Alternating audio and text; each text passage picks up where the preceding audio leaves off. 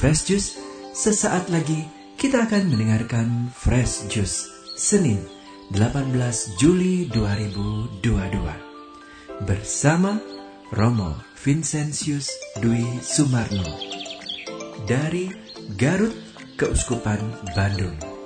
Selamat mendengarkan.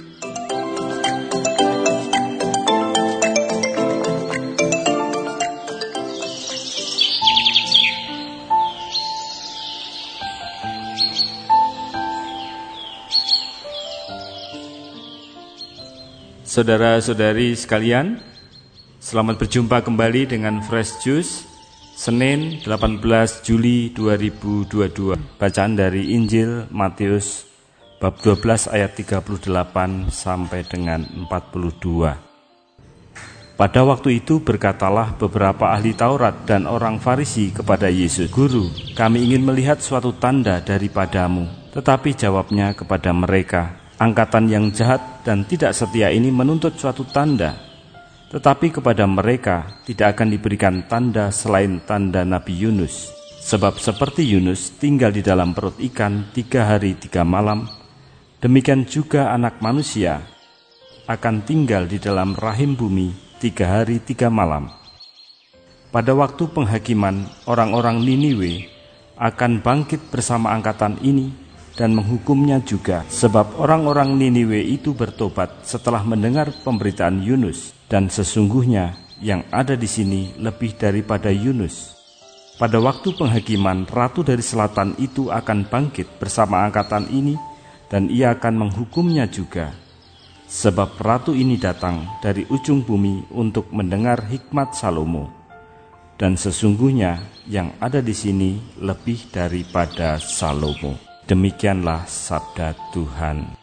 Saudara-saudari yang terkasih, Warta Sabda hari ini mengajak kita untuk memaknai bahwa pertobatan adalah cara kita bertumbuh dalam hidup dan iman. Tanda Nabi Yunus dan tanda anak manusia menyerukan hal yang sama, yaitu pertobatan. Nabi Yunus hadir bagi bangsa Niniwe untuk menyerukan pertobatan agar mereka tidak menerima hukuman. Anak manusia datang untuk menyerukan pertobatan agar memperoleh keselamatan sejati. Semakin kita mengerti makna pertobatan yang sesungguhnya, semakin kita menyadari bahwa sesungguhnya pertobatan adalah sebuah hadiah yang indah dari Allah untuk kita. Mengapa? Inilah beberapa alasannya. Yang pertama, pertobatan memungkinkan Tuhan memulihkan, mengampuni, dan menyucikan kita terus-menerus. Mengapa terus-menerus? Karena Tuhan terus memberi kesempatan pada kita yang mudah jatuh dalam dosa. Yang kedua, pertobatan membantu kita untuk menjadi pribadi yang rendah hati daripada memiliki kedegilan hati.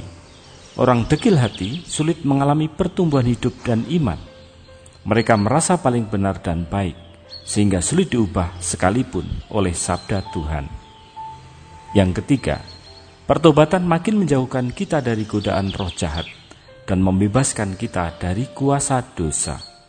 Akibatnya adalah kita makin terbuka mengalami kepenuhan hidup di dalam Kristus.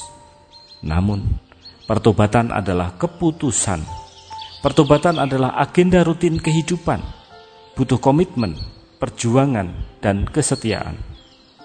Mari berjuang untuk tujuan yang mulia dan cara yang sederhana. Pertobatan. Tuhan memberkati.